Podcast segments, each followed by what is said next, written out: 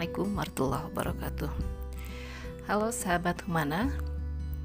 Episode pertama saya ini Saya akan membahas tentang tanggung jawab negara untuk memenuhi hak atas kesehatan. Kenapa judul ini saya bahas? Ya tentu saja didasarkan pada kondisi dunia yang sedang mengalami pandemi COVID-19 saya turut prihatin dengan banyaknya korban yang meninggal dunia akibat virus ini. Namun, saya tidak akan uh, membicarakan tentang bagaimana cara menangani virus maupun pandemik, karena saya bukan ahli di bidang tersebut. Saya akan melihatnya dari sisi hak asasi manusia bagaimana sebenarnya tanggung jawab negara dalam memenuhi hak atas kesehatan, terutama untuk menanggulangi pandemi COVID-19 di Indonesia. Saya sebenarnya greget, kesel gitu. Kenapa? Karena um, melihat penanganan yang begitu lambat, ada ada kesan bahwa penyelenggara negara ya, pemerintah dalam hal ini enggan untuk melakukan hal-hal atau upaya yang dapat mencegah uh, menyebarnya virus COVID-19 di Indonesia dan uh, jatuhnya korban jiwa akibat virus ini. Padahal kalau melihat konsep tanggung jawab negara sudah jelas diatur dalam Undang-Undang Nomor 39 Tahun 99 tentang Hak Asasi Manusia atau Undang-Undang HAM. Pada pasal 71, 72 dan 74 undang-undang ini menjelaskan bahwa uh, pemerintah memiliki kewajiban dan tanggung jawab yang besar untuk menghormati, melindungi, menegakkan, dan memajukan hak asasi manusia. Pemerintah juga wajib menetapkan dan menjalankan langkah-langkah efektif dalam seluruh bidang untuk menjamin penegakan hak asasi manusia. Berdasarkan Undang-Undang HAM, peraturan perundang-undangan lain yang terkait dengan hak asasi manusia, dan hukum internasional tentang hak asasi manusia. Pengaturan tanggung jawab negara menurut Undang-Undang HAM ini sebenarnya sudah sejalan dengan pengaturan tanggung jawab negara untuk memenuhi hak asasi manusia menurut Kovenan Hak Ekonomi Sosial Budaya atau International uh, Covenant on Economic uh, Social and Cultural Rights uh, 1966 yang sudah kita ratifikasi melalui Undang-Undang Nomor 11 Tahun 2015. Berdasarkan Covenant ECOSOC Ekonomi Sosial dan Budaya, tanggung jawab negara kalau dilihat di pasal 2 ayat 1 Covenant ECOSOC terdiri atas undertakes to take step to achieve progressively dan to maximum of its available resources. Ketentuan ini menimbulkan kewajiban hukum bagi negara untuk bukan hanya berperan aktif dalam memenuhi hak-hak ekosob tetapi juga menuntut negara untuk tidak mengambil tindakan atau pasif. Tanggung jawab negara dalam pemenuhan hak ekosop ini uh, terdiri dari dua hal yang tidak bisa dipisahkan satu sama lain, yaitu obligation of conduct dan obligation of result. Hal ini juga tertuang dalam prinsip-prinsip Maastricht atau Maastricht uh, Maastricht Principle tentang tanggung jawab negara berdasarkan Covenant ECOSOC yang menolak pemisahan tanggung jawab negara ke dalam dua bentuk obligation of conduct dan obligation of result. Obligation of conduct itu berarti kewajiban mengenai tindakan sedangkan obligation of uh, obligation of result itu artinya kewajiban mengenai hasil Kenapa? Karena kewajiban mengenai tindakan membutuhkan langkah yang diperhitungkan dengan cermat untuk melaksanakan dipenuhinya hak tertentu. Uh, kenapa sandarannya ke Covenant Ecosob? Karena hak atas kesehatan termasuk salah satu jenis hak yang diatur dalam Covenant tersebut. Jadi termasuk ke dalam jenis hak yang berkaitan dengan sosial. Uh, walaupun memang dalam uh, beberapa referen sering kali ada pemisahan uh, yang jelas antara dua kovenan. Yang satu kovenan hak sipil, satu lagi kovenan hak ekonomi, uh, sosial dan budaya, hak sipil dan politik, ICCPR dan uh, Kovenan Hak Ekonomi Sosial Budaya. Memang ada uh, apa ada yang menyatakan bahwa sifat mereka berbeda satu sama lain. Satu sisi hak sipol itu hak sipil politik dikatakan bersifat negative rights, artinya negara harus seminimal mungkin campur tangan dalam penegakannya. Di sisi lain, hak ekonomi sosial budaya uh, bersifat uh, positif karena mengharuskan negara untuk uh, campur tangan dalam penegakannya walaupun sejatinya sebenarnya uh, apa uh, kedua hak uh, tersebut saling membutuhkan satu sama lain ini kalau dilihat dari prinsip interdependensi kemudian prinsip indivisibility uh, baik hak sipol dan hak ekosob itu tidak bisa dipisahkan satu sama lain saling membutuhkan dan saling melengkapi. Ini kalau ingin hak warga negara ini uh, terpenuhi secara sempurna ya penuhi keduanya. Walaupun kenyataannya memang hak ekosob kalau dilihat dalam praktek di negara-negara sering kali dianaktirikan Negara bahkan menganggap dirinya memiliki impunitas atas dasar ketidakmampuan untuk memenuhi hak ekosob itu. Ada satu konsep yang disebut dengan optimum order dalam pemenuhan hak ekosob. Jadi setiap uh, negara itu uh, pada akhirnya uh, pemenuhan hak-hak ekosob disandarkan pada kemampuan mereka masing-masing. Ya, ini kemudian menghasilkan impunitas. Jadi pelanggaran hak ekosob e, dianggap tidak menimbulkan tanggung jawab negara atau state obligation untuk menangani dan memulihkannya. E, ya walaupun sebenarnya ada ada hal lain nanti kita bahas misalnya di uh, prinsip Limburg berkaitan dengan Eh, pelanggaran-pelanggaran terhadap tanggung jawab negara yang diatur baik di dalam Covenant Ecosob maupun di dalam uh, Maastricht Principle. Oke, okay. um, kembali ke pembahasan tentang hak atas kesehatan.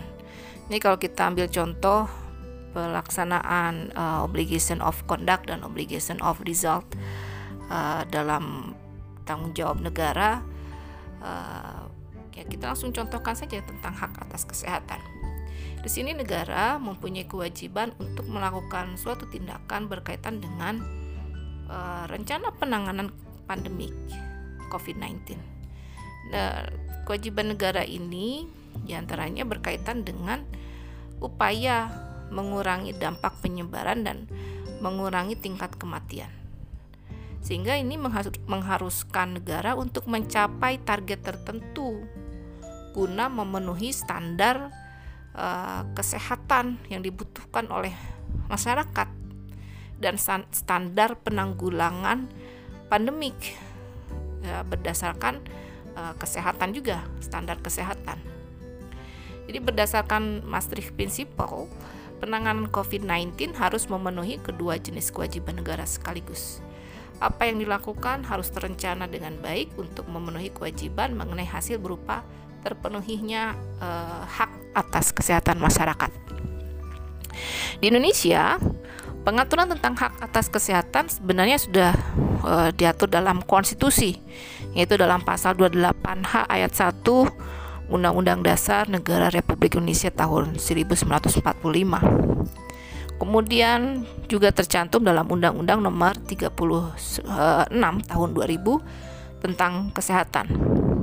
Dan karena sekarang ini kondisinya khusus dengan adanya pandemi COVID-19, eh, kita juga harus merujuk kepada Undang-Undang Nomor 6 Tahun 2018 tentang kekarantinaan kesehatan. Kalau melihat di Undang-Undang uh, Nomor 36 Tahun 2009 tentang kesehatan, pasal 4 menegaskan adanya hak bagi setiap orang atas kesehatan. Hal ini mengisyaratkan bahwa setiap individu, keluarga, dan masyarakat berhak untuk memperoleh perlindungan terhadap kesehatannya dan negara bertanggung jawab mengatur agar terpenuhi hak hidup sehat bagi penduduknya, termasuk juga bagi masyarakat miskin dan tidak mampu. Uh, dan kalau dilihat dari uh, upaya pemenuhannya, kalau ingin menyeluruh hak kesehatan ini harus dilakukan terhadap empat hal sekaligus yang pertama, upaya promotif, peningkatan kesehatan. Yang kedua, upaya preventif, pencegahan. Yang ketiga, upaya kuratif, penyembuhan. Dan yang keempat, upaya rehabilitatif atau pemulihan. Berdasarkan peraturan perundang-undangan uh, yang kita sebutkan tadi, uh, diketahui bahwa hak atas kesehatan ini mempunyai ruang lingkup yang tidak yang sangat luas bukan hanya menyangkut hak individu ansih, tetapi juga meliputi faktor lain yang memberi kontribusi terhadap hidup yang sehat, healthy self individu, seperti uh, kondisi lingkungan, uh, nutrisi, perumahan, dan lain-lain. Sementara hak atas kesehatan dan hak atas pelayanan kedokteran ini merupakan hak-hak pasien adalah bagian yang lebih spesifik dari hak atas kesehatan. Ini juga menjadi konsensus dalam Konstitusi Indonesia bahwa hak kesehatan merupakan hak mendasar bagi manusia. Ya termasuk juga bagi tenaga medis, uh, mereka harus terjamin uh, dalam melayani kesehatan masyarakat, melayani pasiennya, terlindungi dari kemungkinan-kemungkinan uh, terkena atau terdampak virus tersebut tertular virus. Ini ada banyak sekali hak-hak yang bersifat uh, spesialnya. Uh, karena hak kesehatan ini hak fundamental, ini berkaitan langsung dengan kehidupan seseorang. Setiap individu, uh, keluarga maupun masyarakat berhak memperoleh perlindungan terhadap kesehatannya. Dan pemerintah bertanggung jawab untuk mengatur dan melindungi supaya masyarakat terpenuhi hak hidup sehatnya. Semuanya ya.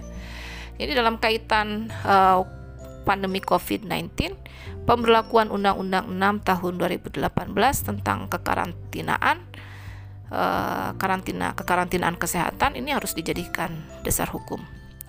Kenapa? Karena kondisi kesehatan masyarakat harus menjadi pertimbangan utama jika sudah dirasa membahayakan bagi masyarakat luas, maka perlu segera diberlakukan karantina wilayah. Eh, dalam bahasa Inggris istilahnya lockdown. Juga memperlakukan pembatasan sosial dalam skala besar.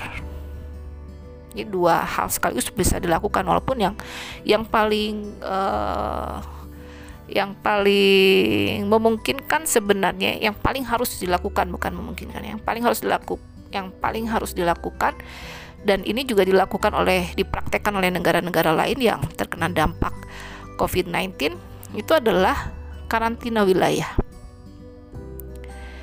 uh, ya berdasarkan Undang-Undang Nomor 6 2018 itu di pasal 55. Namun kita lihat uh, pemerintah ini sudah menetapkan Kepres 11 tahun 2020 tentang penetapan kedaruratan kesehatan masyarakat coronavirus disease uh, 2019 COVID-19. Jadi pemerintah dapat sesegera mungkin melakukan tindakan tindakan yang diperlukan untuk mencegah uh, semakin meluasnya dampak ters, uh, dampak uh, COVID-19 uh, terhadap masyarakat lainnya yang tentu saja ini mengganggu hak atas kesehatan dan hak uh, lainnya berkaitan dengan rasa aman, berkaitan dengan kebebasan untuk uh, melakukan perbuatan tertentu, kebebasan untuk uh, bekerja, kebebasan untuk belajar, dan banyak hak-hak lain yang kemudian dibatasi uh, karena pemberlakuan uh, social distancing atau physical distancing yang sudah ditetapkan oleh pemerintah. Dan uh, kalau pemerintah kemudian baik pemerintah pusat maupun daerah mengambil uh, kebijakan karantina wilayah maka ya secara otomatis gerak fisik sosial masyarakat ini menjadi sangat dibatasi. Dan berdasarkan Undang-Undang 6 2018 kalau melihat pasal 5 eh, pasal 55 maka kebutuhan sumber daya yang berkaitan dengan keberlangsungan hidup masyarakat harus ditanggung oleh pemerintah pusat supaya masyarakat ini bisa tenang menjalani masa uh, karantinanya. Jadi ada tanggung jawab yang besar dari pemerintah ketika memperlakukan upaya-upaya yang diatur di pas uh, di Undang-Undang 6 2018 ini. Bagaimana kalau kemudian uh, terjadi pelanggaran? Ya, kita lihatnya ke, ke prinsip Limburg, ya, karena di prinsip Limburg uh, diatur uh, pelanggaran yang diakibatkan kelalaian melakukan kewajiban. Di dalam prinsip-prinsip Limburg atau Limburg Principle dirumuskan bahwa terdapat tujuh hal ya uh, parameter pelanggaran. Yang pertama, negara gagal mengambil langkah-langkah yang wajib dilakukannya. Yang kedua, negara gagal menghilangkan rintangan secara cepat, di mana negara tersebut berkewajiban untuk menghilangkannya. Ketiga, negara gagal melaksanakan tanpa menunda lagi hak yang diwajibkan pemenuhannya dengan segera. Keempat, negara dengan sengaja gagal memenuhi suatu standar pencapaian yang umum diterima secara internasional. Kelima, negara menerapkan pembatasan terhadap suatu hak yang diakui dalam kovenan. Enam, negara dengan sengaja menunda atau menghentikan pemenuhan secara bertahap dari suatu hak. Dan terakhir yang ketujuh, negara gagal mengajukan laporan yang diwajibkan oleh Covenant. Jadi ketujuh parameter pelanggaran yang dirumuskan dalam Limburg uh, Principle tersebut ini dapat digunakan sebagai instrumen uh, untuk menguji ada tidaknya pelanggaran terhadap hak-hak ekosob, ada tidaknya pelanggaran uh, di suatu negara terhadap penanganan uh, pelanggaran hak atas kesehatan misalnya di Indonesia pun dapat menggunakan ini kalau mau menguji uh, upaya penanganan pandemi COVID-19 oleh negara. Ini tujuh parameter ini bisa diujikan. Ada salah satu yang terlanggar yaitu sudah dapat dikatakan negara melanggar uh, apa melanggar uh, hak atas kesehatan masyarakat. Jadi melanggar tanggung jawab yang seharusnya dia lakukan untuk memenuhi hak atas kesehatan yang merupakan hak konstitusional dari warga negara.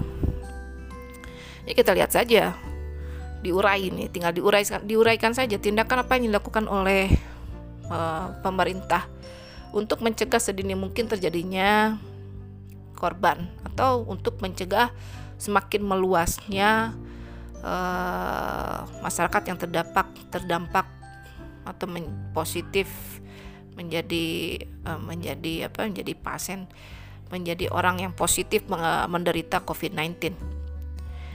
tidak perlu menunggu korban jiwa seperti negara lain ya uh, misalnya China, Italia maupun uh, Spanyol juga jangan sampai semakin banyak uh, tenaga medis, dokter, perawat yang uh, menjadi korban juga dengan tidak disediakannya APD.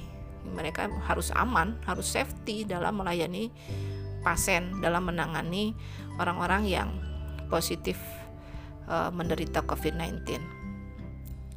Juga upaya-upaya yang lainnya bisa diuji, misalnya pernah disampaikan bahwa Indonesia akan menerapkan darurat sipil. Hal itu kan sudah itu tidak perlu karena kalau darurat sipil itu kondisi-kondisi khusus berdasarkan Perpu 23 tahun 59 sangat berbahaya sebenarnya kalau diambil dalam kondisi uh, darurat kesehatan.